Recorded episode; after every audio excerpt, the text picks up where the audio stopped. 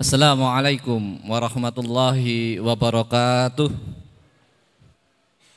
Alhamdulillahi rabbil alamin alladhi bi ni'matihi tatimus salihat.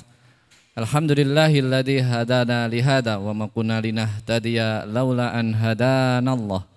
Asyhadu an la ilaha illallah wahdahu la syarikalah wa asyhadu anna Muhammadan abduhu wa nabiyyuhu wa rasuluhu la nabiyya wa la rasula ba'dah. Qala rabbi surah li sadri wa yassir li amri wa hlul 'uqdatam min lisani yafqahu qawli. Rabbi zidni ilman warzuqni fahman. Allahumma la sahla illa ma ja'altahu sahla wa anta taj'alul hasna idza si'ta sahla. Allahumma shalli ala Muhammad wa ala alihi wa sahbihi wa barik wa sallam. Ikhwanu fiddin wa akhwatu fillah. Rahimani wa rahimakumullah alhamdulillah.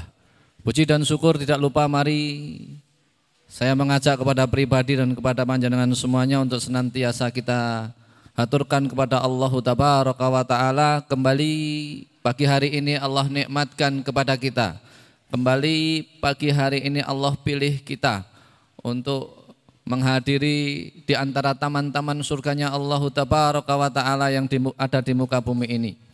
Mudah-mudahan ini pertanda bahwa kita adalah orang yang masih diregistrasi oleh Allah, dipilih oleh Allah untuk senantiasa terpandu dengan hidayah Allah wa taala.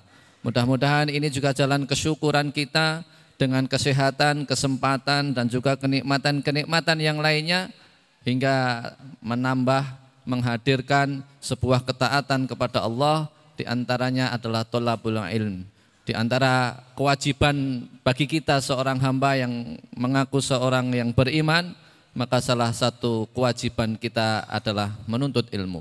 Tulabul ilm faridah ala kulli muslim. Menuntut ilmu itu hukumnya adalah wajib bagi setiap orang yang mengaku dirinya seorang muslim. Mudah-mudahan ini menghantarkan kita kemudahan demi kemudahan atas segala hal yang kita hadapi di dalam kehidupan dunia ini hingga memudahkan kelak kita mendapatkan kemudahan-kemudahan oleh Allah wa taala di kehidupan setelah kehidupan dunia ini. Man salaka tariqan yaltamisu fihi ilman sahalallahu lahu bihi tariqan ilal jannah. Mudah-mudahan Allah nikmatkan kepada kita semua sebagaimana hadis Rasulullah yang kita sama-sama yakini. Mudah-mudahan itu semua Allah istiqomahkan untuk kita. Allahumma amin. Salawat beriring salam semoga terlimpah curahkan kepada kutwah hasanah kita Rasulullah Muhammad sallallahu alaihi wasallam. Salawat beserta salam semoga Allah limpah curahkan pula atas keluarganya, para sahabat-sahabatnya hingga para tabiun tabiut tabiin tabiut tabiin dan juga seluruh umatnya yang senantiasa mengikuti sunnahnya dalam mengibadahi Allah wa taala. Memperjuangkan risalahnya dengan kemampuan-kemampuan terbaiknya. Dan mudah-mudahan kita di antaranya mudah-mudahan itu menghantarkan kita kelak mendapati syafaatnya di yaumul akhir nanti. Allahumma amin. Ikhwanu fidin wa akhwatu fillah Kembali saya berbahagia hadir bersama panjenengan di majelis ini diberikan kesempatan yang luar biasa. Pagi hari ini kita bisa berjumpa lagi bertatap muka di forum majelis Ahad pagi ini. Saya mewakili dari tuan rumah mengucapkan sugeng rawuh. Ahlan wa sahlan. Selamat datang. Mewakili tuan rumah tentu kami berbahagia bisa menjamu panjenengan semua di dalam majelis ini. Mudah-mudahan apa yang kami sajikan apakah itu kaitannya dengan tempat, apakah kaitannya itu dengan sikap kami ataupun kaitannya dengan suguhan-suguhan kami, segala kekurangannya mohon untuk diikhlaskan, segala kekurangannya mohon untuk dimaafkan dan segala kekurangannya mohon untuk didoakan. Mudah-mudahan semakin bertambahnya waktu semakin bertambah baik apa yang bisa kami berikan untuk panjenengan semua yang pada hakikatnya itu adalah nikmat dari Allah taala. Kami juga mengucapkan terima kasih atas kontribusi dari Bapak Ibu semuanya yang telah memberikan banyak bantuan atas terselenggaranya program kajian di Ahad pagi ini dan juga program-program yang panjenengan semua ikuti di luar program kajian Ahad pagi ini mudah-mudahan menjadikan keberkahan Allah hadirkan untuk panjenengan semuanya. Kami sampaikan barakallahu fi ahlikum wa malikum acarakumullahu fi ma a'taitum wa barakallahu fi ma abqaitum wa ja'alahu lakum tahuran. Hadirin semuanya rahimani wa rahimakumullah. Berikutnya Alhamdulillah berbahagia perlu beberapa kami informasikan sebagai kabar yang mudah-mudahan itu di antara kabar-kabar yang bisa membahagiakan kita bersama. Di antaranya mungkin tadi kita disambut oleh lantunan ayat-ayat Allah yang dibacakan oleh anak kita semuanya, Mas Rafli, itu di antara anak asuh ya bisa yang berasal dari luar kota. Dan hari ini yang dari luar kota sudah cukup banyak mungkin hampir 50 persennya Mas Rafli yang tadi membacakan Al-Quran tadi adalah anak dari Batur Batur itu sampingnya Dieng kalau dari sini setelah Dieng masuknya masuk wilayah Kabupaten Banjarnegara yang kemarin yang kecil itu dari Kebumen ya. Mas Khalid namanya ya. dari Batur sudah ada tiga yang menjadi bagian dari Yabisa yang sekarang masih adalah Mas Rafli yang dua itu satu orang anak laki-laki dari kita namanya Mas Al-Fafan sudah selesai 30 jusnya dan sekarang ini baru melanjutkan studinya di Libya Jakarta. Dan beberapa hari yang lalu, setengah bulan yang lalu meminta tanda tangan saya untuk mengajukan studi setelah di Libya ini baru pengajuan untuk bisa belajar di Madinah. Insya Allah kita doakan mudah-mudahan Mas Al-Fafan itu bisa terus belajar hingga sampai suatu saat bisa kembali lagi, kembali lagi bersama Zabisa untuk membersamai adik-adiknya. Sekarang ini baru ada di Jakarta sudah dua tahun di Libya, Jakarta. Ya. Dan yang satu lagi karena perempuan sudah selesai dari ya bisa hafalan Qur'annya, aliyahnya sudah selesai, enggak melanjutkan studi di tempat lain tapi langsung dilamar orang. nah, kalau perempuan gitu ya. Makanya kalau perempuan itu hampir kayak diwajibkan sebelum lulu, apa sebelum selesai aliyahnya itu memastikan harus selesai 30 juznya. Karena khawatir kalau belum selesai 30 juznya sudah dipinang orang, wah ketika sudah menjadi seorang istri akan kesulitan untuk menambah hafalannya. Akan lebih mudah ketika hanya murojaah murojaah saja. Maka alhamdulillah ah, santri-santri putri kita itu lebih mudah cepat hafal daripada yang putra. Tapi kita juga terus doakan bahwa santri yang putra ini juga dimudahkan sama Allah untuk menyelesaikan hafalan-hafalannya sampai selesai 30 juznya. Cukup 30 juz saja, jangan ditambah kata Kiai. Gitu. Jo 31 apa meneh 33, cukup 30 30 juz saja. Kita konaah dengan 30 juz seperti itu ya. Kita doakan ini santri-santri di atas itu 30 juz semua gitu ya. Enggak usah lebih insya Allah ya. Mudah-mudahan eh, apa namanya juga bisa melanjutkan studi-studi sampai jenjang yang lebih tinggi hingga nanti bisa lebih banyak manfaatnya untuk membersamai adik-adik yang akan ada di Yabisa di waktu-waktu yang akan datang. Karena Masya Allah, sampai hari ini hajat umat kepada Yabisa itu semakin meningkat. Kan? Maka bertambahnya tahun, bertambahnya jumlah. Maka otomatis itu harus menambah sumber daya manusianya.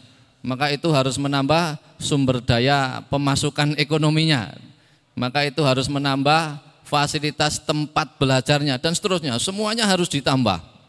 Maka mudah-mudahan di antara kita adalah orang yang mencatatkan nama-nama di dalamnya. Mudah-mudahan ada satu sak semen, ada satu bagor pasir, ada berapa puluh batu bata yang itu ternyata atas nama saya dan panjenengan semua. Mudah-mudahan kita di antara adalah orang-orang yang terus membersamai anak-anak ini sampai mereka bisa semakin memperdalam ilmu, mendapatkan rizki ilmu hingga nanti mengamalkan bahkan mendakwahkan.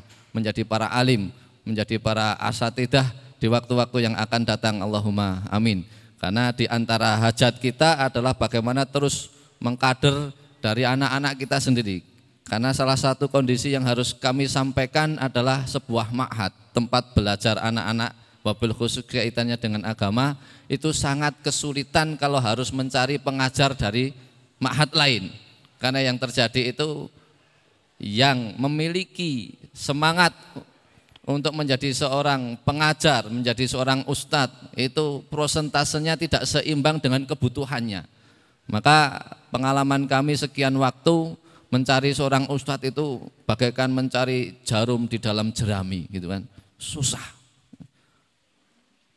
Makanya harus bersabar, mendidik, mengajarkan sampai suatu saat benar-benar bisa menjadi seorang pengajar di tempat kita sendiri seperti itu.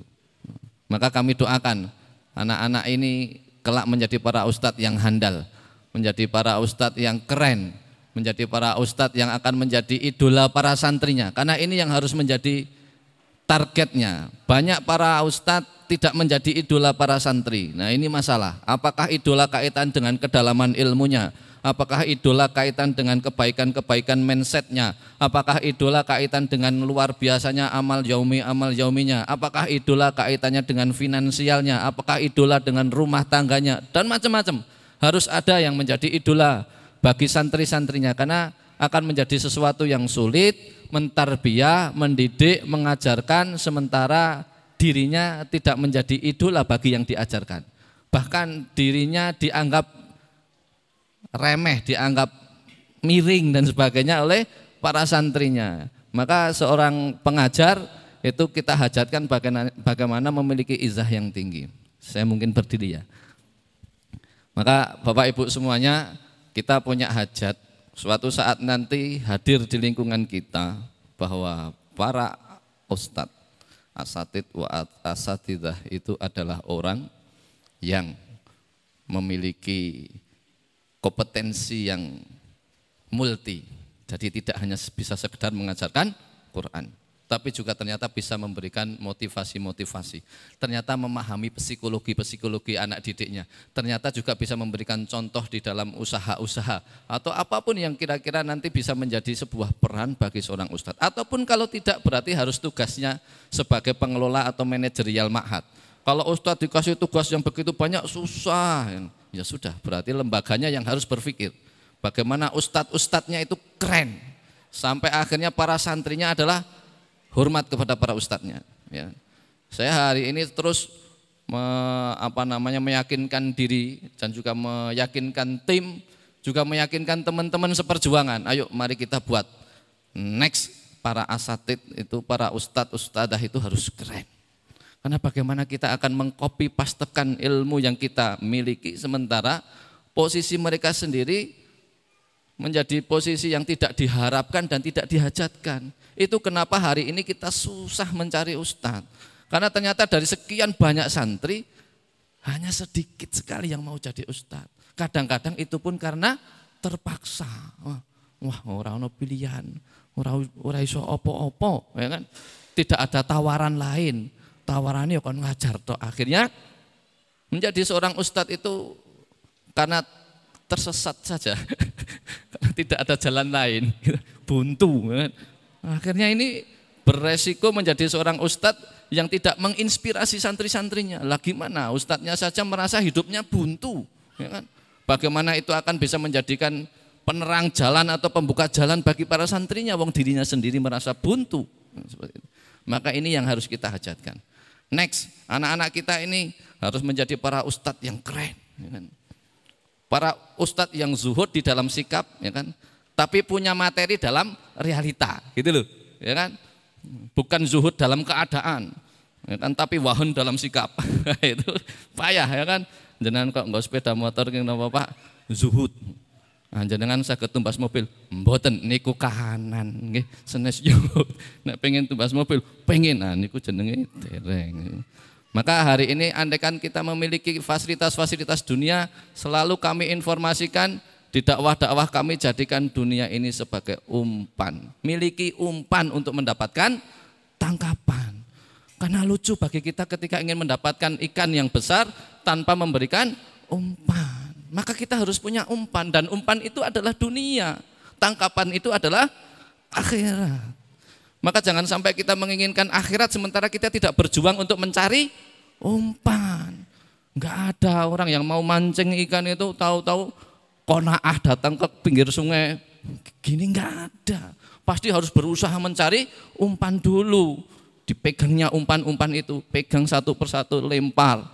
Ditunggu sampai akhirnya mendapatkan tangkapan. Dan yang harus difahamkan kepada diri kita, tidak ada seorang pemancing yang sedih hati karena kehilangan umpan.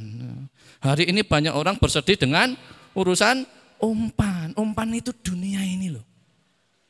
Hari ini banyak orang bersedih hati dengan urusan dunia. Lupa bersedih apa amal yang sudah kita lakukan. Apa yang sudah kita persiapkan. Besok bisa jadi malaikat Israel datang.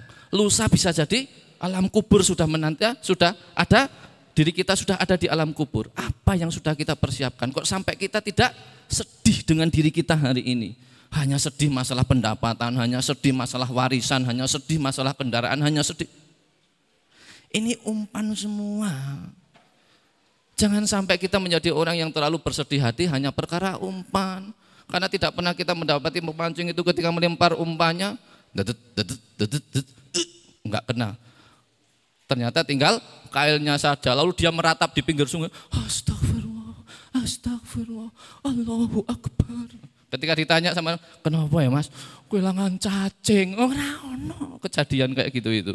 Ya, enggak ada kejadian kayak gitu itu. Ya, malu-maluin sebagai posisinya sebagai seorang pemancing, tukang mancing kehilangan cacing gambreng. Sesuk rasa mancing meneh tuman.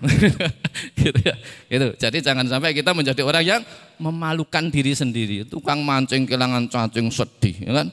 Orang beriman kehilangan dunia sidik wae gidru-gidru, nangis guling-guling. Wagu gitu loh. Semoga saya dan panjenengan adalah orang yang tidak wagu gitu ya.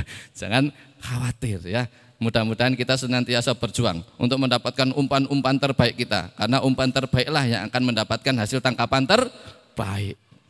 Kalau bahasanya Kiai angel mancing hiu kok umpane cacing. Nah, wagu. Kudu nggawa mikroskop engko hiune mana ini umpane enggak kelihatan ya kan. Nah, cacing ya biarkan untuk ekotes, untuk eh mujahir kecil seperti itu. Jangan berharap dapat yang besar. Maka umpan besar akan mendapatkan tangkapan besar. Semoga saya, panjenengan semua, kita semua dimampukan oleh Allah untuk berjuang dengan sungguh-sungguh. Mendapatkan umpan-umpan besar. Hingga berpeluang untuk mendapatkan tangkapan besar. Hari ini saya ingin mengajak kepada panjenengan semua. Bahwa jangan sampai kita menggunakan kaidah agama kita dengan seenaknya sendiri. Gitu. Bicara tentang kona'ah asal-asalan bicara tentang zuhud asal-asalan, akhirnya menjadi pemalas semuanya. Ya, diam atas nama rizki sudah dijamin. Ya, enggak berjuang dengan maksimal alasan rizki sudah ditakar. Ya kan? Lak metu omah orang metu omah rezeki lak ya wis diatur Gusti Allah. Ya, kan? ya rasa ngoyo-ngoyo. Ini ini ya, sikap yang tidak tepat. Kita harus berjuang dengan sungguh-sungguh. Waladina jahadu fina lanahdiyanahum subulana. Tidak ada kesungguhan seorang manusia dihadirkan kecuali Allah akan menghadirkan subulana jalan-jalan yang Allah kehendaki. Dan tidak ada orang yang malas-malasan akan mendapatkan kesuksesan hidup. Sedangkan hidup di dunia saja yang mendapatkan itu adalah para pekerja keras para pekerja cerdas para pekerja tuntas para pekerja ikhlas yang akan menjadikan dirinya menjadi orang yang sukses dalam kehidupan ini. Maka ketika saya dan panjenengan belum bisa menjadi orang yang benar-benar serius dalam berjuang, apa pun yang sedang kita perjuangkan, jangan mengeluh kalau sampai kita belum mendapatkan hasil yang sesuai diharapkan. Pastikan diri kita adalah yang sudah berjuang dengan maksimal. Enggak ada anak penghafal Quran ini selesai 30 juz untuk kerjaannya nyantai-nyantai suruh setoran rak mangkat ah, ah males isih anyes esuk engko awan ku sih panas sumuk esuk alasan awan alasan bengi apa meneh harus ngantuk alasan terus pengennya selesai hafalan 30 jus. Nggak ada yang begini ini. Nggak ada orang-orang sukses itu kerjaannya cuma nongkrong-nongkrong, jeng-jeng, jalan-jalan, kesempatan diundang kancane tadi mancing nang pinggir, kalian ngono-ngono dadi wong sukses susah. Orang sukses itu bisa didapati dari latar belakang orang miskin, dari berbagai macam gender, ya kan, dari berbagai macam latar belakang, ya dengan berbagai macam pendidikan, tidak harus, tapi tidak ada orang sukses kok datangnya dari latar belakang pemalas. Gitu. Ini yang harus menjadi komitmen saya dan panjenengan semua. Yuk, mari kita berjuang untuk mendapatkan umpan terbaik kita dengan bersungguh-sungguh menjalankan setiap etapa kehidupan yang bisa kita perjuangkan. Apakah itu urusan ekonomi, apakah itu urusan ibadah, apakah itu urusan muamalah dengan tetangga, dengan teman dan saudaranya hingga nanti Allah hadirkan sebuah keadaan yang Allah berubah, Allah rubah untuk diri kita. Innallaha yughayyiru ma biqaumin hatta yughayyiru ma bi anfusihim. Tidaklah Allah akan merubah nasib seorang hamba. Sungguh Allah tidak akan merubah nasib seorang hamba kecuali dia mau merubahnya. Sehingga Allah akan memberikan perubahan demi perubahan karena perjuangannya untuk merubah dirinya, merubah keadaannya. Semoga panjenengan dan saya dimampukan oleh Allah Taala. Hari ini kita akan belajar kembali bersama gurunda kita Kiai Haji Umar Fakihuddin kaitan dengan Formula 12 Plus. Masih Formula 12 Plus karena belum selesai semua poinnya dibahas. Insya Allah ketika Formula 12 ini sudah semuanya dibahas, baru kita akan menga, apa namanya menyampaikan tentang formula-formula kehidupan yang lainnya insya Allah.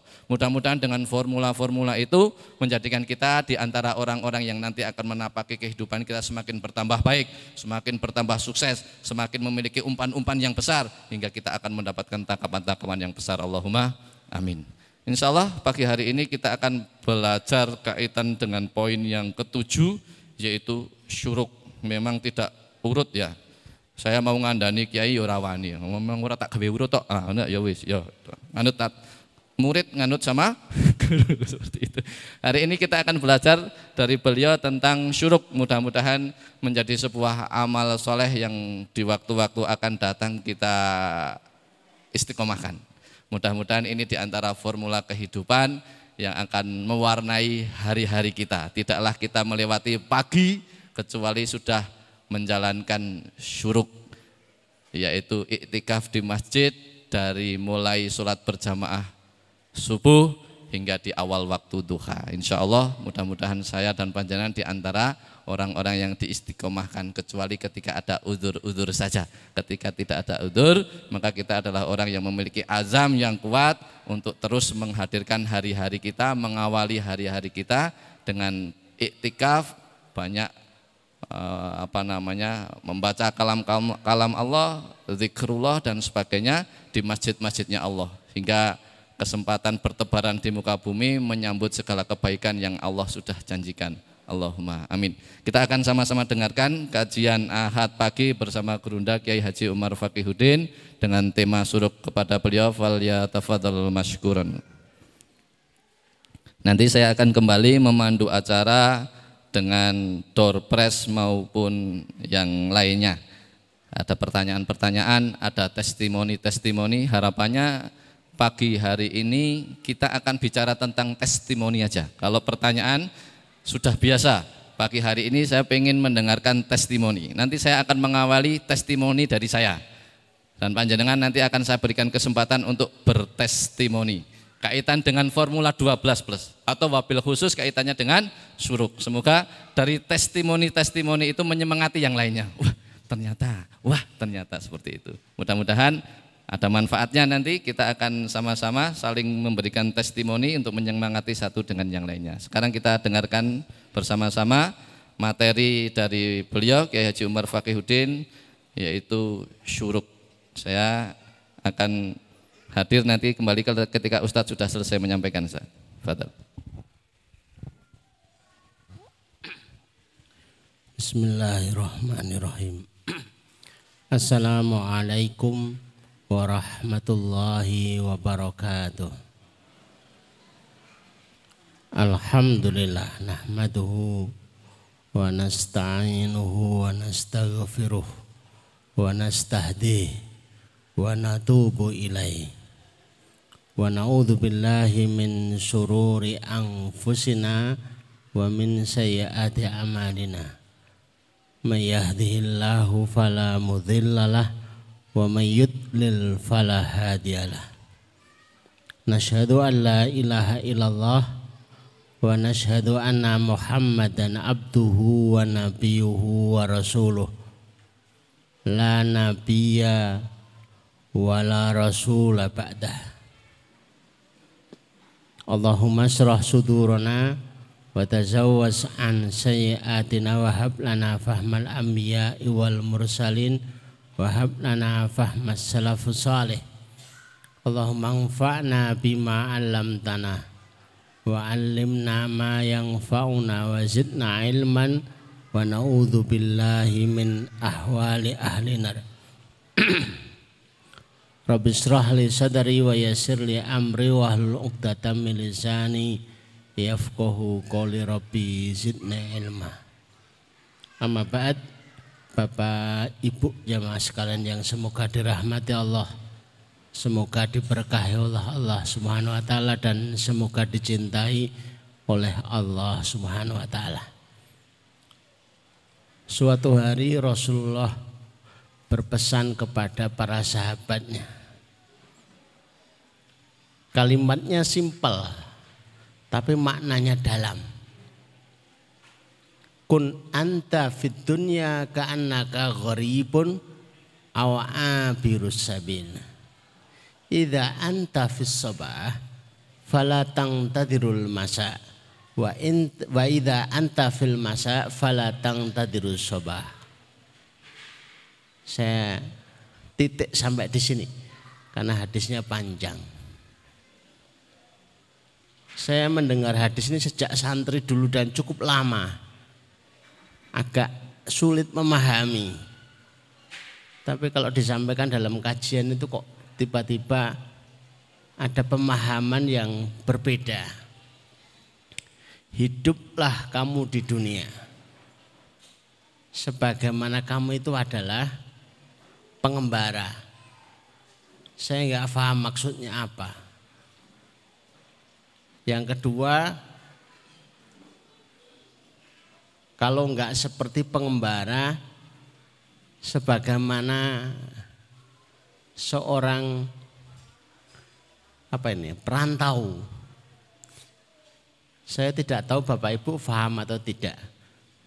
Tapi karena kami itu sering ketemu TK, TKI, TKW yang pergi umroh dan lain sebagainya.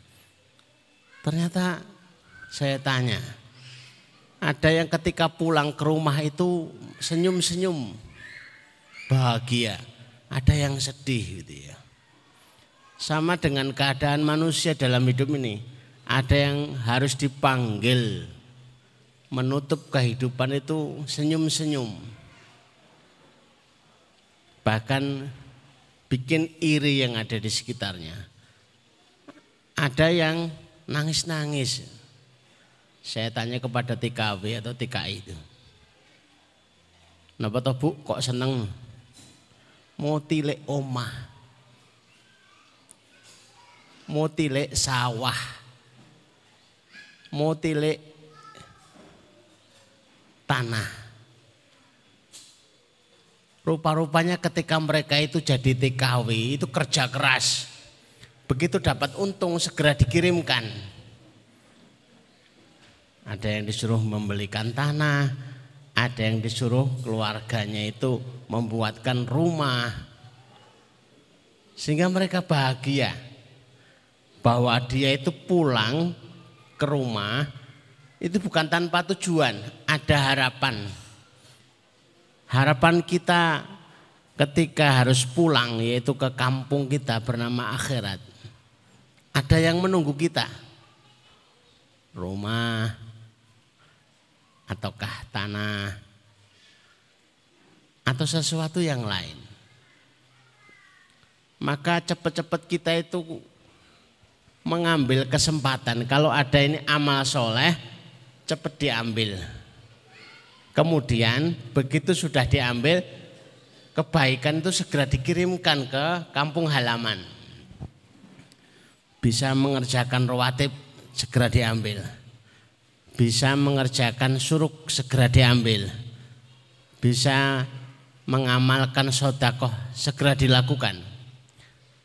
Bukan dalam rangka untuk supaya ketua yayasan senang, bukan. Ketua yayasan itu cuma menunjukkan ini ada amal soleh. Jadi kita tidak sendirian. Tapi itu semua dalam rangka untuk dikirimkan di kampung akhirat kita. Sehingga akhir kehidupan itu bukan tangisan kita yang kita tampakkan karena sedih berpisah dengan harta, berpisah dengan orang-orang di sekitar kita. Tapi justru tersenyum. Saya tidak tahu Bapak Ibu pernah enggak melihat orang yang meninggalkan dunia tapi tersenyum.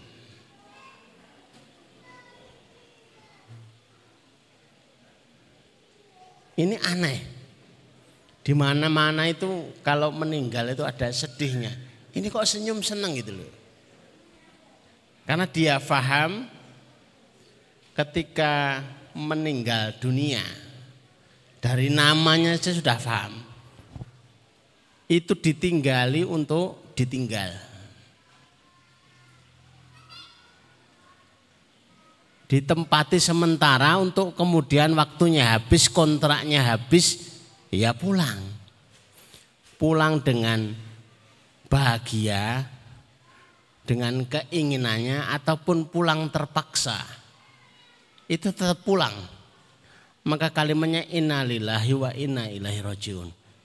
Kita itu miliknya Allah. Suka ataupun tidak suka akan kembali kepada pemiliknya. Maka kita sering ingatkannya agar selalu terngiang. Bahkan yang cerdas, yang pinter, itu bukan yang prestasinya banyak. Bukan yang banyak pialanya. Bukan yang banyak sertifikatnya. Yang cerdas itu adalah yang mempersiapkan bekal untuk setelah kehidupannya. Karena sadar itu yang akan bermanfaat sesungguhnya di dalam kehidupannya. Kehidupan dunianya, kehidupan akhiratnya. Maka Imam Asy'adi ini seorang mufassir ya. Taisirur Rahman. Karangan Imam Asy'adi. Ketika membaca ayat innal abrara lafi na'im. Sesungguhnya orang yang banyak berbuat kebaikan. Kalau mufrad itu barun, birun, jamaknya abror. Itu betul-betul dalam kenikmatan. Ternyata pendapat Imam Sa'di fit dunya wal barzah wal akhirah. Di dunianya sudah merasakan kenikmatan. Al abror itu di dunianya itu penuh kenikmatan. Hidupnya itu enggak susah. Ngertinya kok gampang gitu. Ya. Di alam barzah itu juga diulang. Fil barzah. Wa fil akhirah itu meneruskan dari kehidupan barzah. Kalau barzahnya itu sebagaimana doa yang kita baca. Wa abdilhu daran min darihi. Wa zaujan min zaujihi. Ya Allah gantilah rumah dunianya dengan rumah yang lebih baik tapi di alam kubur. Ini yang membahagiakan orang yang belum sempat buat rumah, rapopo nanti rumah. Di alam kuburnya akan dibuatkan rumah. Bahkan rumahnya itu seluas mata memandang. Luas banget. Bapak Ibu pernah membaca atau belum? Berapa luas rumah di alam barzah dan di akhirat? Saya membayangkan aja susah. Jadi kalau jalan dari tembok satu ke tembok selanjutnya itu sejauh 80 mil. 80 mil itu 100 kilo. Wong di dunia saja rumah itu ya 7 kali 10. 7 kali 12. Itu udah ngerasa luas banget. Yang terlihat mata. Ya sempit banget itu ya. Dua kali berapa gitu ya. Itu yang terlihat oleh mata yang menjalani kehidupan di alam barzah itu bukan fisiknya. Fisiknya itu selesai. Kados wayang itu sudah masuk kotak. Yang masih hidup itu adalah ruhnya. Sehingga masih banyak yang bertanya kira-kira orang yang meninggal itu ruhnya masih merasakan enggak? Dari keterangan Ibnul Qayyim dalam kitab Aruh. Orang yang meninggal itu bisa tahu mereka yang mentakziahi. Karena dikasih kesempatan untuk bisa tahu. Bisa jengkel juga. Bangeti, biar tak tulungi. Lungo-lungo yo tak boncengke. Makan tak traktir belas ora gelem teko ning takziahan. Ya hanya jengkel saja tapi nggak bisa balas apa-apa. Bukan kemudian titan aku bengi tak merimpeni. Aku tak datang bawa apa itu penampakan yang medeni, ora nggak ada itu. Kalau ada yang mengkhawatirkan, mengkhawatirkan itu kalau datang lagi itu bukan alam ruh bukan arwah. Tapi mirip kok saat guyune pakaiannya. Tapi setan itu kasih kesempatan bisa membo-membo itu. Bisa mirip-mirip. Kalau menangis, kalau sedih, bahkan omongannya persis, wujudnya juga persis. Itu jin korin yang sejak lahir itu menemani ya sampai meninggal sehingga mirip banget bukan apa itu meniru tiba-tiba tapi sejak awal itu sudah ngikuti sehingga hafal sementara jin korin itu hidupnya lebih lama dari manusia manusia mungkin bisa 100 tahun jin korin itu bisa 250 tahun bisa 500 tahun saya tidak membahas tentang alam jin karena itu menakutkan. Eh, materi kita pagi hari ini adalah suruk. Entah Bapak Ibu sudah kenal belum dengan istilah suruk. Suruk itu diambil istilahnya dari terbitnya matahari. Ini adalah kesempatan bagi kita untuk mengamalkan firman Allah Subhanahu wa taala berzikir di waktu pagi dan di, di, berzikir di waktu sore. Zikir pagi dan zikir sore, maksudnya waktunya. Itu luar biasa. Kapan lagi kita punya waktu untuk Allah? Kapan lagi kita itu memprioritaskan Allah? sengaja berbuat untuk Allah pagi hari satu tahun apa itu satu jam sampai dua jam.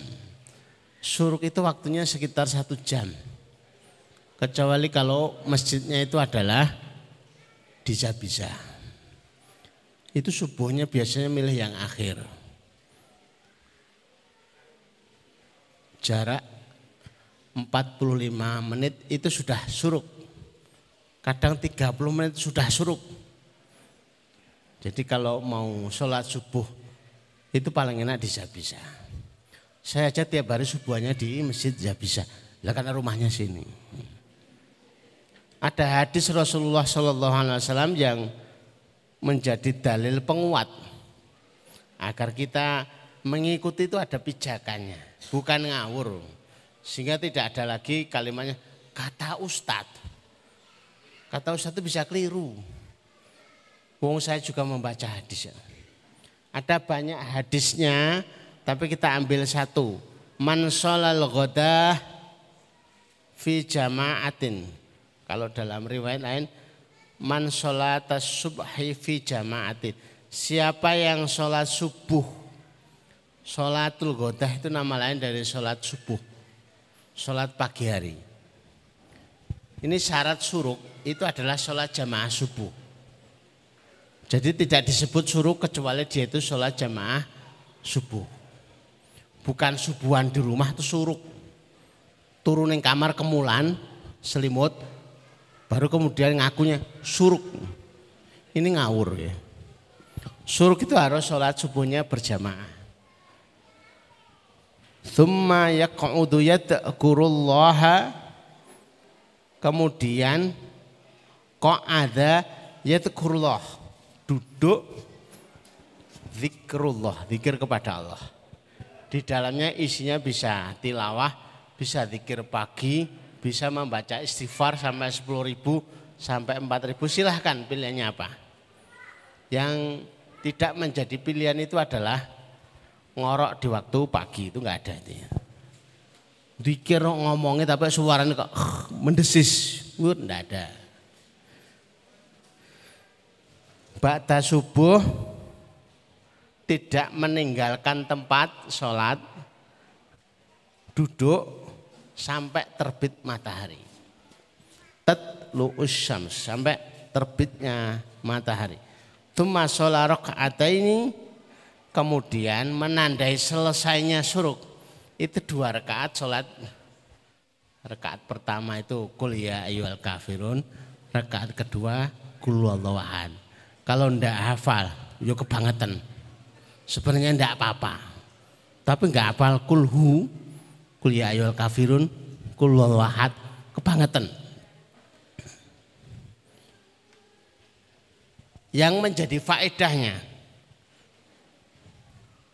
karena lahu ka ajri hajjati wa umratin. Perbuatan duduk di masjid kayak gitu sebenarnya sangat tidak sebanding, tapi itu adalah sabda Rasulullah. Kalau enggak terima, silahkan protes sama Rasulullah. Lah protes sepi, ya empuk. Duduk di masjid, ba'da subuh dia ikut jamaah, kemudian tidak langsung pulang.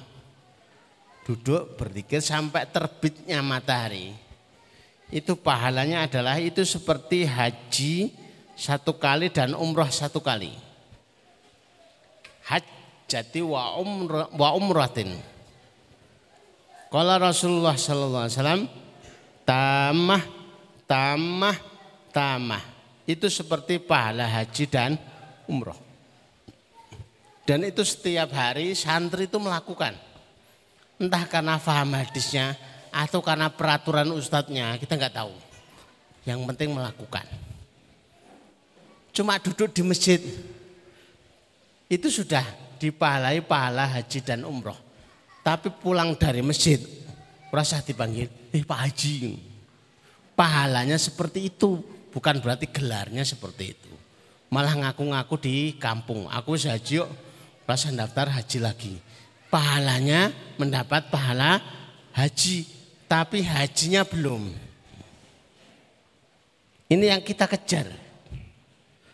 Maka orang yang suruk itu banyak yang tanya, Ustaz, keutamanya selain haji dan umroh apa? Apa ya? Saya juga nggak tahu awalnya. Tapi saya melakukan hampir tiap hari. Dan itu sudah 12 tahun lebih. Semua yang Formula 12 itu kami susun itu 12 tahun yang lalu. Jadi walaupun tidak ditulis ya kami hafal, walaupun tidak urut. Kalau bahasa senengnya gitu ya. Caranya adalah yang nyusun makalah itu hanya tanya sama Ustaz, milih apa Ustaz? Ya saya senengi. Minggu depan aja itu belum keluar tulisannya. Ahad depan itu belum keluar. Nanti tiba-tiba muncul yang mana gitu ya yang pengen dikuatkan, yang pengen di kokohkan yang kita butuh sekali. Kemungkinan besar itu minggu depan tuh saya pengen bahas sodakoh pagi. Walaupun sudah pernah. Karena harapan yang besar Bapak Ibu itu diangkat kesulitan-kesulitan. Kalau hari ini mayoritas itu kesulitannya adalah nafkah. Padahal hanya ber, apa nih, bersandar, bertumpu kepada sedekah pagi itu luar biasa. Masalahnya Bapak Ibu itu selalu bayangannya kalau sodakoh pagi itu mesti sewu, rongewu, telung ewu. Ya kan suka ya angel. Coba kalau sodakoh pagi 10 juta. Nanti kan kelenger. Karena berat. Ngewel. Tapi metodenya begitu. Jadi kalau perlu sodakoh paginya itu mumpung didoakan malaikat. Itu yang banyak.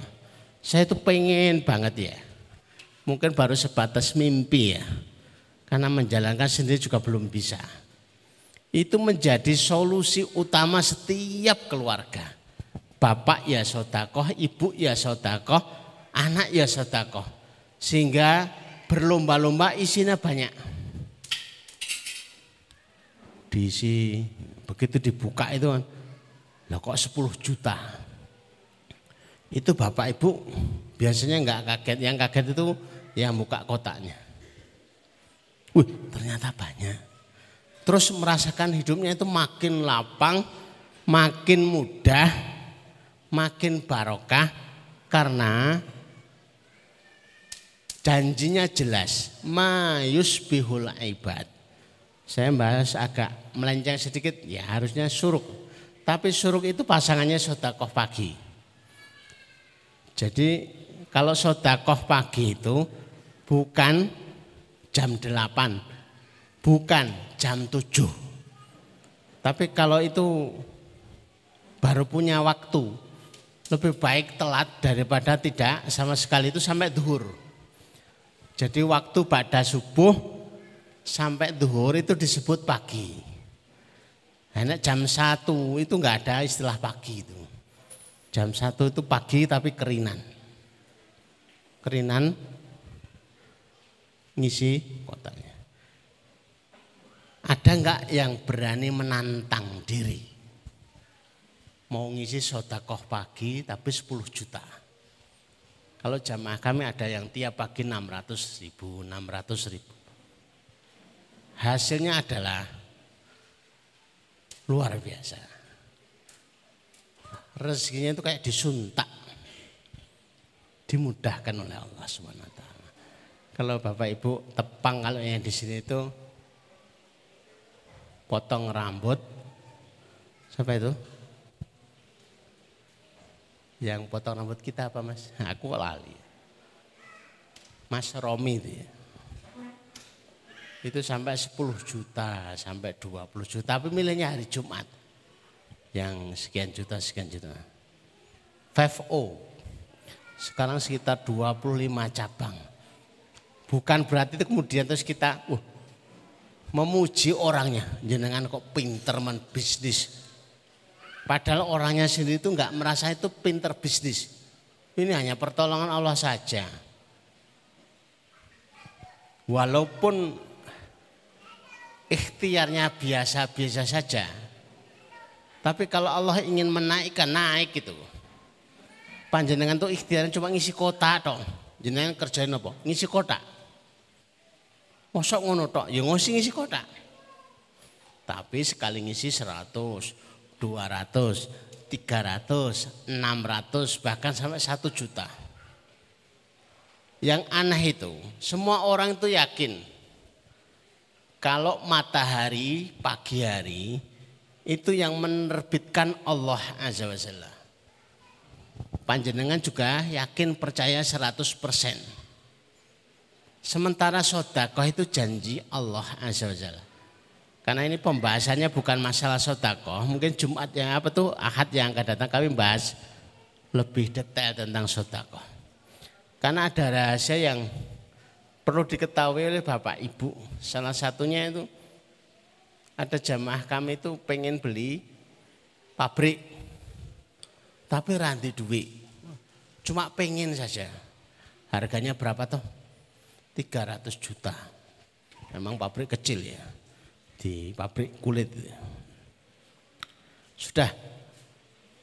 Ambil 10 persennya dan sodakohkan.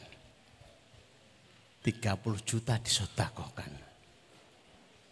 Coba setelah itu nanti Allah memudahkannya bagaimana. Karena yakin manja abil hasanati falau asru amthalia siapa yang mendatangkan kebaikan itu sudah disediakan oleh Allah gantinya 10 kali lipat. Bukan kita yang menyediakan tapi Allah Azza wa Jalla dan itu diabadikan di dalam Al-Qur'an. Itu tidak berapa lama itu. Begitu menemui yang punya pabrik, katanya pabriknya dijual Pak. Nggih. Itu harganya berapa? 300 juta. Tapi saya belum punya uang mboten napa-napa. Punya uangnya baru 25 juta. Nggih mboten napa-napa. Lah nek sisane niku dicicil monggo. Dan nyicilnya itu semampu kami, monggo. Sampai sekarang jadi miliknya. Pabrik itu mudah sekali. Khawatir kami itu kalau dijelaskan begitu. Terus lah nyapa dadak kerja. Lah nyapa dadak ikhtiar. Ini malah bapak ibu terus jor-joran. Wis mending kerjane ngisi kotak wae. Jualan juga repot. Jaminannya itu adalah 50-50 maybe kadang-kadang ya untung kadang-kadang rugi tapi kalau sodakoh yang menjadi ikhtiar amal solehnya. Nek rugi tak protes sih, sing kayak dalil Saya di, di protes juga jawab. Hadismu sahih ora? Kalau sahih berarti tinggal tunggu waktu. Yakinlah apa pun yang dijanjikan oleh Allah menjadi tidak yakin itu karena butuh pembuktian.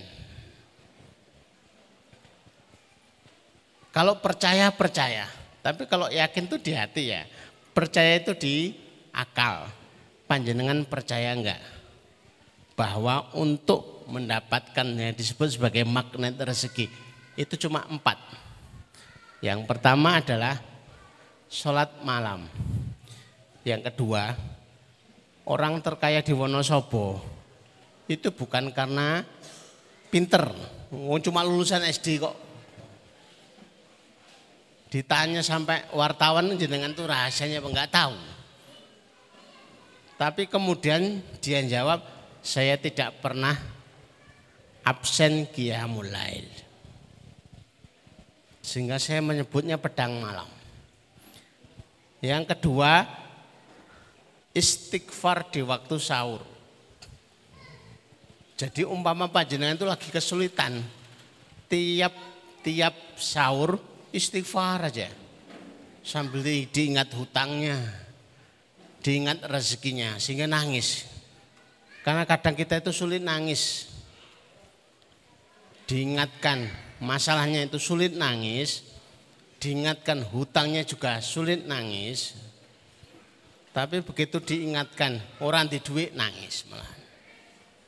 Maka ketika zikir biar diikuti dengan tangisan diingat saja orang di duit ngono nangis terus. Yang ketiga, setelah yang kedua itu istighfar di waktu sore. Yang ketiga itu dikir pagi dan dikir sore. Jadi bisa dengan baca Al-Waqi'ah. Jadi sekalipun itu ada yang meragukan. Hadisnya do'if. Hadis do'if itu kalau terkait dengan keutamaan itu dalam pendapat ulama al-karamiyun itu tetap di, dikuatkan keutamaan amal. Yang keempat termasuk magnet rezeki. Komitmen sedekah. Nek ditawari orang, ditawari ketua yayasan, ditawari, ustad. Ini mau nyumbang berapa? Yuranti duit. Bismillah saya menyumbang satu juta. Bismillah, saya mau nyumbang 20 juta, 10 juta. Ditekoni di duit ora. Tapi berani komitmen. Ta'ahud lis sodakoh. Keberanian untuk komitmen sodakoh itu termasuk rezeki yang dipeksa. Jangan iki ora oleh rezeki, tapi dipeksa dengan komitmen, wis janji yuk. Tahu ditelepon sama Ustadz, katanya janji mau infak 10 juta. Waduh, belum di duit tenan nih. Langsung dia berdoa, ya Allah, katanya engkau yang akan menjawab doa-doa kami. Doa kami adalah bisa punya 10 juta untuk sodakoh. Akhirnya ya istijabahnya dipeksa. Kan repot kan. Istijabah itu hak mutlaknya Allah. Tapi karena kita itu punya janji untuk bersodakoh, ternyata pada hari hanya orang di duit, ya kita setengah itu makso sama yang ngasih rezeki itu. Memangnya tidak biasa, tapi kami kebiasaan itu. Sukanya itu adalah komitmen sodakoh. Orang di duit ya komit dulu. Saya insya Allah mau infak ini, insya Allah mau infak ini. Kami dulu beli rumah senilai 600 juta, itu habis ngisi ceramah begini nih. Baik itu habis selesai ngisi, saya langsung tanya panitia. Ini aku tiga itu oh amplop ora? Dikasih tat. Emang nama tat? Mau tak infakkan semua.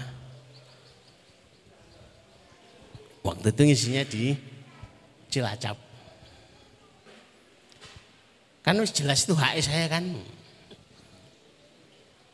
Sekarang saya minta.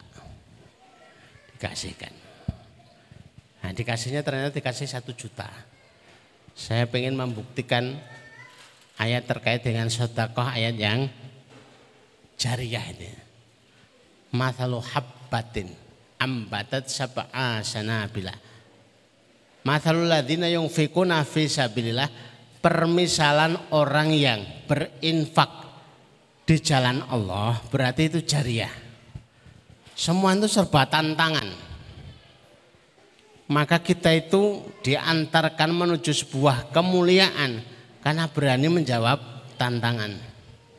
Permisalan itu seperti satu biji terus kemudian tumbuh tujuh tangkai, setiap tangkainya ada ya 100 jadi 700 berarti kalau satu biji itu saya umpamakan satu juta kalau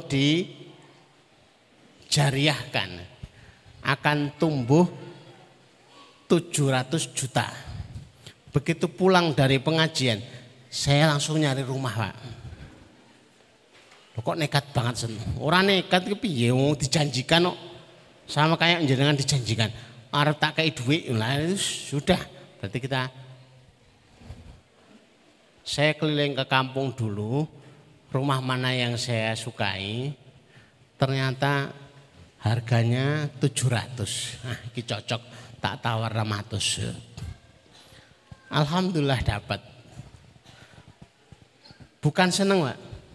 Kalau panjenengan nawar rumah, kan seneng tuh. Cuma masalahnya, saya kan baru komitmen sodakoh. Belum tentu dapat jawaban balasan sodakonya masih belum jelas. Tapi sudah menjanjikan orang. Kalau janji dengan Allah itu bisa disemayani. Besok ya Allah, seminggu lagi ya Allah, itu bisa. Tapi dengan orang baru saja, insya Allah saya pikirkan dulu. Saya harus ditagih. Kalau parah ya. Selanjutnya yang bisa dikerjakan kalau Ba'da subuh itu duduk berzikir sampai suruk terbitnya matahari maka gambarnya itu ada ter, terbit matahari. Itu sekitar satu jam sampai satu setengah. Itu bisa pilihannya ini. Dikir pagi. Tapi selesai dikir pagi itu biasanya nggak sampai 30 rampung. Tambahi tilawah. Tadi malam belum baca surat Tabarok. Padahal surat Tabarok itu disebut Al-Munjiyat. Al-Waqiyah. Kami itu sulit untuk menjawab kalau ditanya, niki insya Allah khusnul khotimah atau tidak. Wah, saya nggak bisa jawab. Sekalipun orangnya itu ahli sedekah, ahli tilawah. Karena nggak ada jaminannya yang jelas. Tapi kalau seorang ibu niki khusnul khotimah napa mboten? Tiap malam pada Isya baca tabarok enggak? Baca Ustaz, khusnul khotimah. Kita sudah bisa memastikan karena tabarok itu disebut al-munjian disebut Al-Waqiyah. Itu surat yang akan berjuang habis-habisan, membela habis-habisan sampai yang membacanya dipastikan masuk ke dalam surga. Jadi kalau tiap malam pada Isya itu baca itu. Nanti yang bekerja keras itu adalah bacaan surat Tabarok. Nah, itu nek syafaatnya yo nek diterima sene enggak. Adakah yang lebih kuat syafaat kepada manusia melebihi syafaatnya Al-Qur'an? Kalimatullah. Kan kita tinggal protes. Ya Allah, niki ayatullah, ayat panjenengan.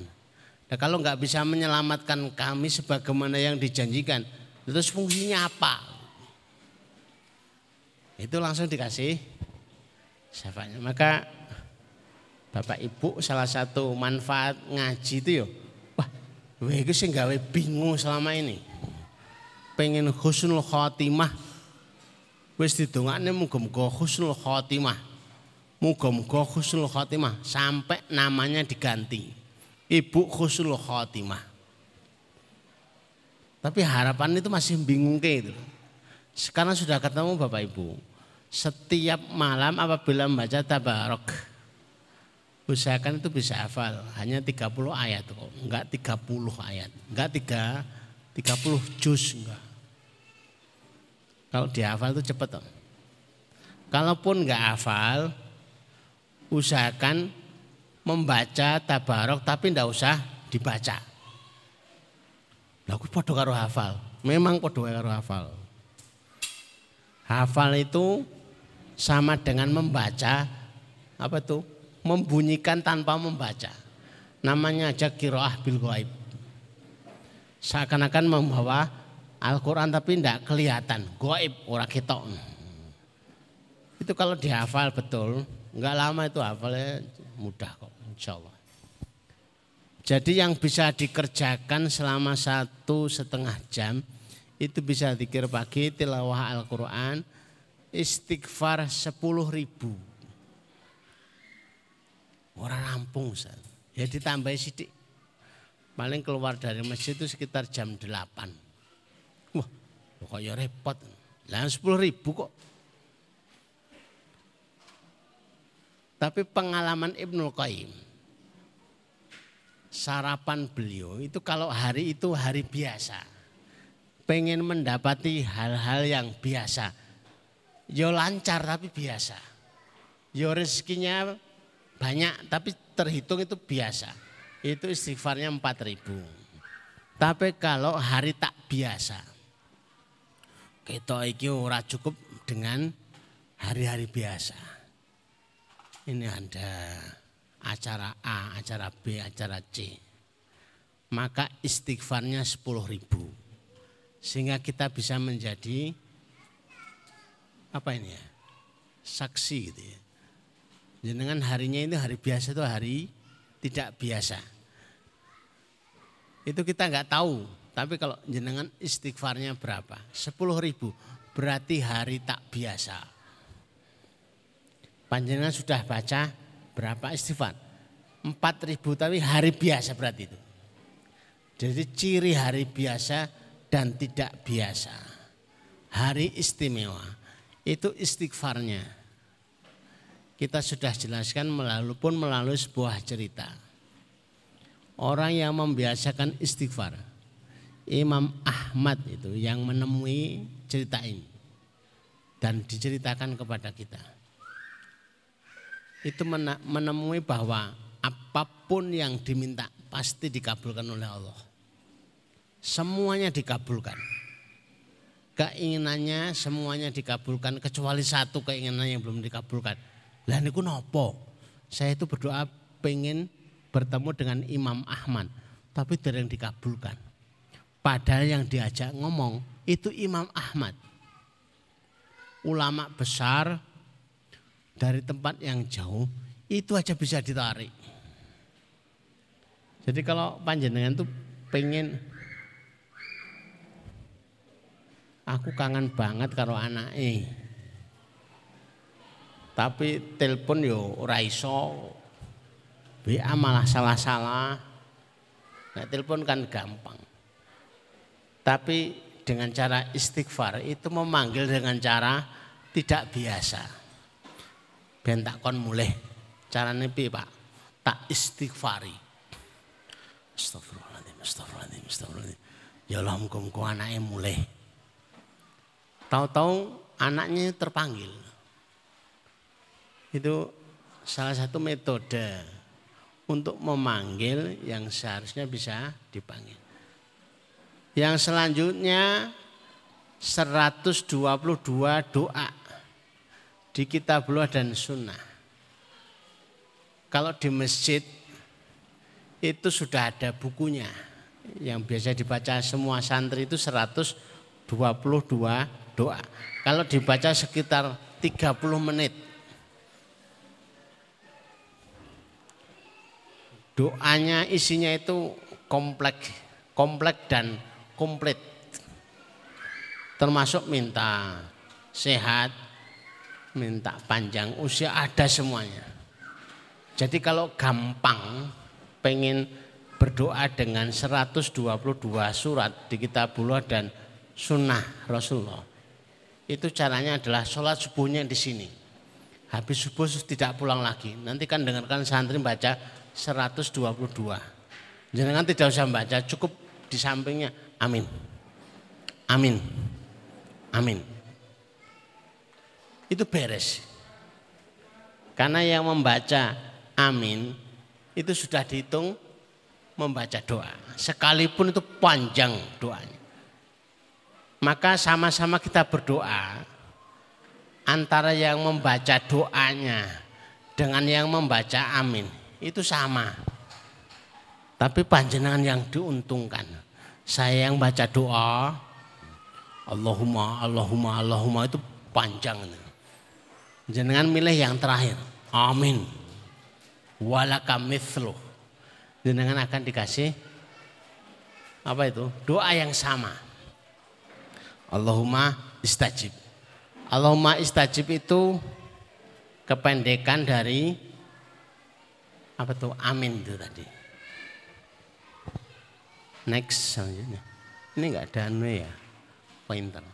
Manfaat suruk. Bagaimanapun suruk itu ada manfaatnya. Yang pertama orang yang suruk itu tidak tidur habis subuh.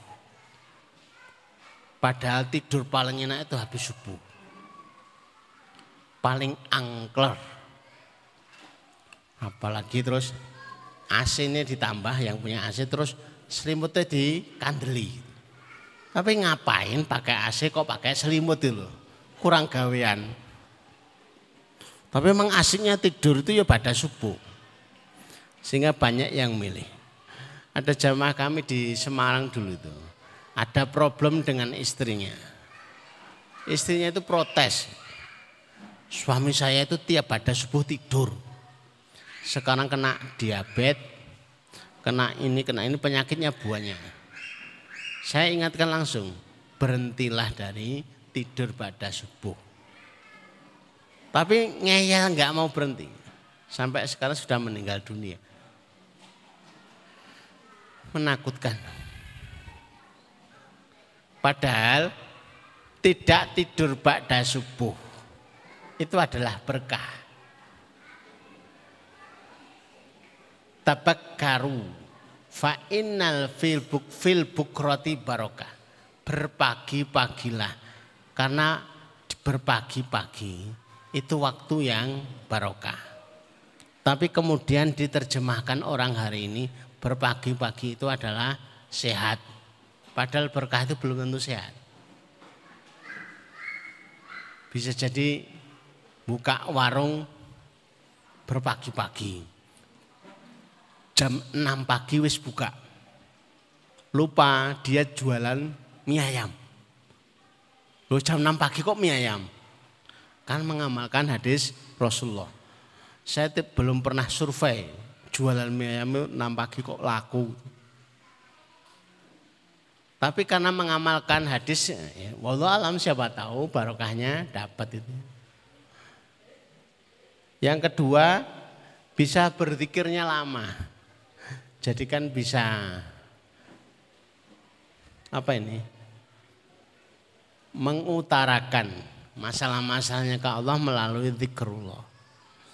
Yang ketiga, pahala haji dan umroh sempurna. Padahal Bapak Ibu yang pernah umroh, pernah haji tahu sendiri. Kalau harus pergi ke sana, waktunya juga lama. Konon yang pernah ha pengen haji, apalagi reguler, itu harus nunggu 30 tahun. Kami dulu itu paling jengkel nunggu itu. Nah, bapak kami itu mintanya kamu bawa yon daftar haji. Saya daftar ke Bangol. Tapi selalu berdoa, muga-muga ora sido. Muga-muga pegawai ini libur. Akhirnya nggak pernah saya daftar. Karena yang saya incar adalah haji plus. Bukan haji plus, haji khusus. Yang nunggunya nggak sampai 30 tahun, nunggunya cuma satu tahun saja. Satu tahun ini mendaftar, tahun ini berangkat. Yang keempat, menjadi magnet rezeki. Maka secara tidak langsung kalau orang itu sering suruk, rezekinya juga lancar. Bahkan lebih banyak. Kami sudah membuktikan dan mengunci ke beberapa jamaah yang apa itu konselingan itu ya Oh, susah banget rezekinya. Biasanya kami gunakan suruh itu sebagai senjata terakhir. Saya suruh sotakoh pagi. Saya suruh banyak baca Quran. Ternyata kok wangar rezekinya itu diperbaiki. Akhirnya senjata terakhir adalah suruh. Biasanya suruh duha, suruh ini, ini dan lain sebagainya. Suruh itu sebenarnya senjata kami terakhir. Ya untuk ngasih saran kepada orang agar diperbaiki oleh Allah rezekinya. Karena luar biasa. Suruk itu termasuk sunnah maukutah. Sunnah yang terikat waktu dan tempat. Orang yang melaksanakan suruk itu harus harus di masjid. Karena ikut sholat subuh berjamaah.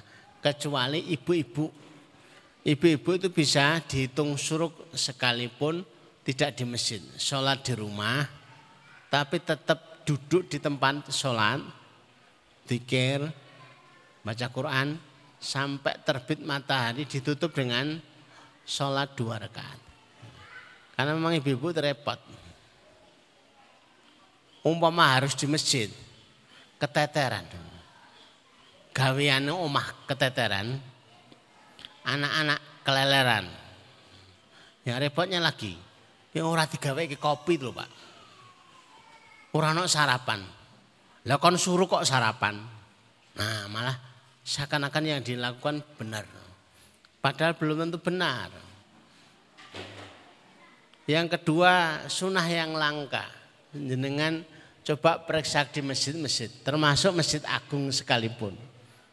Yang suruh berapa? kemarin ada karyawan kita itu nguji. Masjid yang sebelah sini masih ikut manding itu. Satu masjid cuma satu orang ya. Berarti ini sunnah tapi langka. Tidak banyak yang tahu. Apalagi orang-orang kampung. Orang kampung aja nggak tahu, apalagi orang kota. Berarti podo gitu loh.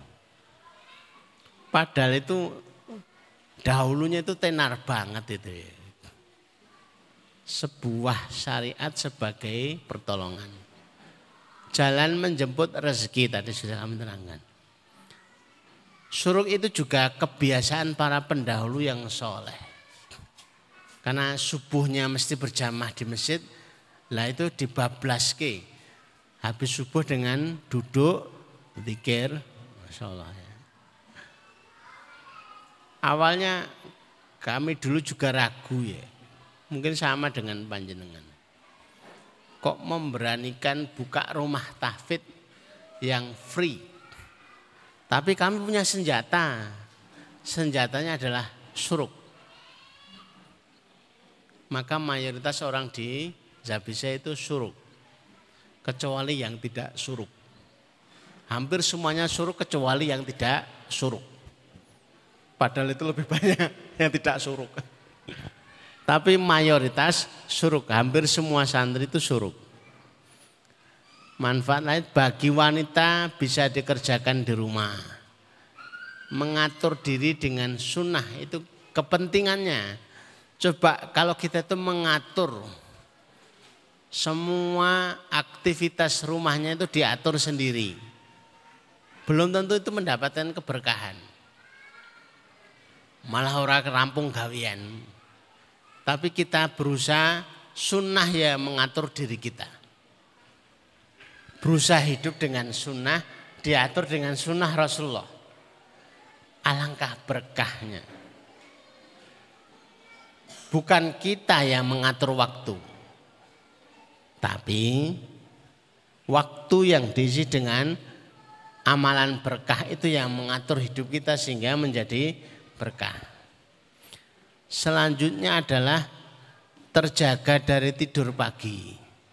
Jadi tidur pagi itu menjadi yang dibenci dalam kehidupannya. Tapi kalau nggak suruk, wah itu justru nikmatnya luar biasa suruk. Terjaga dari kemiskinan ini lebih menggembirakan bagi kita bahwa kita pun harus melawan kemiskinan, bukan bekerja yang keras. Kalau bekerja yang keras, itu melawan kemiskinan dengan ikhtiar. Kalau melawan kemiskinan dengan suruk, itu melawan kemiskinan dengan amalan yang barokah. Sehingga yang kita minta di dalam doa itu menjadi kenyataan. Allahumma kfina bi halalika an haramika wa aghnina bi fadlika amman siwaka. Ya Allah, cukupkan kami dengan rezeki yang halal. Dan kayakan kami dengan anugerahmu, bukan dari selainmu. Saya selalu membaca ini bersama panjenengan setiap hari Jumat. Sebenarnya itu ada syariatnya itu dalam sebuah hadis dijelaskan kalau ngelihat YouTube itu lihat ceramahnya Ustadz Adi Dayat, ceramahnya Ustadz Khalid itu ada. Ini doa yang disunahkan dibaca hari Jumat. Cuma bedanya kalau bapak-bapak itu sunahnya dibacanya habis Jumatan. Tapi kalau ibu-ibu itu habis asar. Alhamdulillah ketemunya di sini habis asar. Jadi ketemu bapak dan ibu. Maka panjenengan itu sekaligus menjadi saksi. Coba berubah enggak apa tuh nasib kami. Bertambah enggak rezeki kami. Kalau saya sendiri itu seneng ya. Seneng tur banget. Orang ikut ngaji tapi semakin hidupnya berkah. Kesulitannya terangkat bahkan berusaha mencari materi yang kira-kira itu untuk memperbaiki nasib kehidupan setiap jamaah.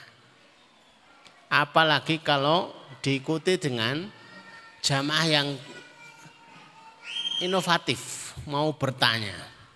Enggak cukup dengan duduk di majelis tapi ikut bertanya. Ini ku caranya ngerjainnya itu sepundi. Nah itu jadi dijelaskan lebih jelas dengan itu.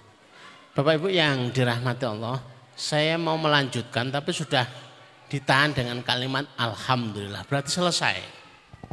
Walaupun ada 10 slide setelahnya, tapi karena sudah di di apa itu? Ditandai dengan alhamdulillah berarti harus selesai. Di samping di samping kita ini ada banyak tamu nih. Mudah-mudahan menjadi rezeki bagi kita semua.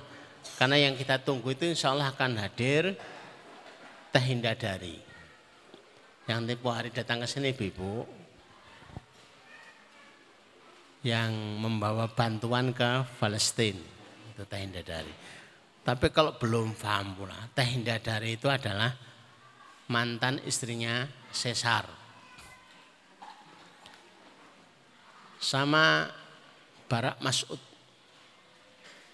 Tahinda dari itu ibu angkatnya Barak Mas'ud dari Palestina juga. Tapi itu artis Palestina. Mudah-mudahan nanti bisa ikut menyemarakkan acara kita. Tapi biasanya yang senang itu malah yang putri-putri. Barak Mas'ud itu orang yang ganteng, hafal Quran, Bukan hanya bisa ngaji tapi bisa nyanyi. YouTube-nya juga banyak. Ya, mudah-mudahan nanti bisa hadir terus bisa mengisi salah satu acara yang ada di kita sehingga ada hiburannya gitu ya. Seorang mukmin ternyata butuh hiburan. Tidak cukup dengan tilawah saja, tidak cukup dengan tausiah saja. Sementara masih ada kesempatan untuk apa itu tartil, kesempatan untuk nasyid dan sebagainya. Karena kadang-kadang ada yang memahami, wah lah kok nasitan orang nyunah belas. Bahkan yang ngomong itu ustadz juga. Lah saya ajak diskusi. Rasulullah dulu ketika bangun apa itu kondak gali sekitar Madinah untuk dijadikan benteng. Itu tilawah apa? Jura ya tilawah Ustaz. Lah tilawahan apa nasitan? Nasitan. Kok bilang enggak nyunah itu loh? Loh itu dari Rasulullah kok. Nasidnya itu nahnul ladina bayana Muhammadan al jihadi ma bakina abadah diabadikan, ditulis di buku siroh. Maka ada diskusi kami dengan beberapa orang ini. Ya. Nek, nek, di mobil mbok rasa nasitan. Aluwung tilawah. Saya tanya. Tilawah itu yang dibaca apa? Al-Quran. Terus yang di dalam mobil itu turu pora. Lah turu. Kira-kira pantas pora. Sementara firman Allah wa apabila dibacakan Al-Qur'an istami'u wa angsitu. Dengarkan dan diamlah. Lah ini kok malah turu. Marah ngobrol. Kira-kira yang benar yang mana? Maka kalau saya sendiri termasuk sukanya itu naset kalau di mobil. Karena kalau di mobil mesti turu, lebih baik kita itu mendengar nasihat turu daripada tilawah. Mendengarkan tilawah malah turu lah itu perkara. Tapi itu juga pilihan, oh. Enggak ada masalah gitu ya. Mau pakai nasihat ya ora ya ora. Demikian Bapak Ibu yang dirahmati Allah yang bisa kami sampaikan ya. Memang tidak panjang ya. Tapi mudah-mudahan ini menjadi sebuah sunnah yang bisa diikuti di mana-mana. Oh ternyata syariat itu memudahkan urusan hidup kita. Sekaligus mengkayakan. Demikian yang kami sampaikan nanti kalau ada yang ditanyakan monggo walaupun tadi sudah diawali ini tidak ada pertanyaan testimoni aja.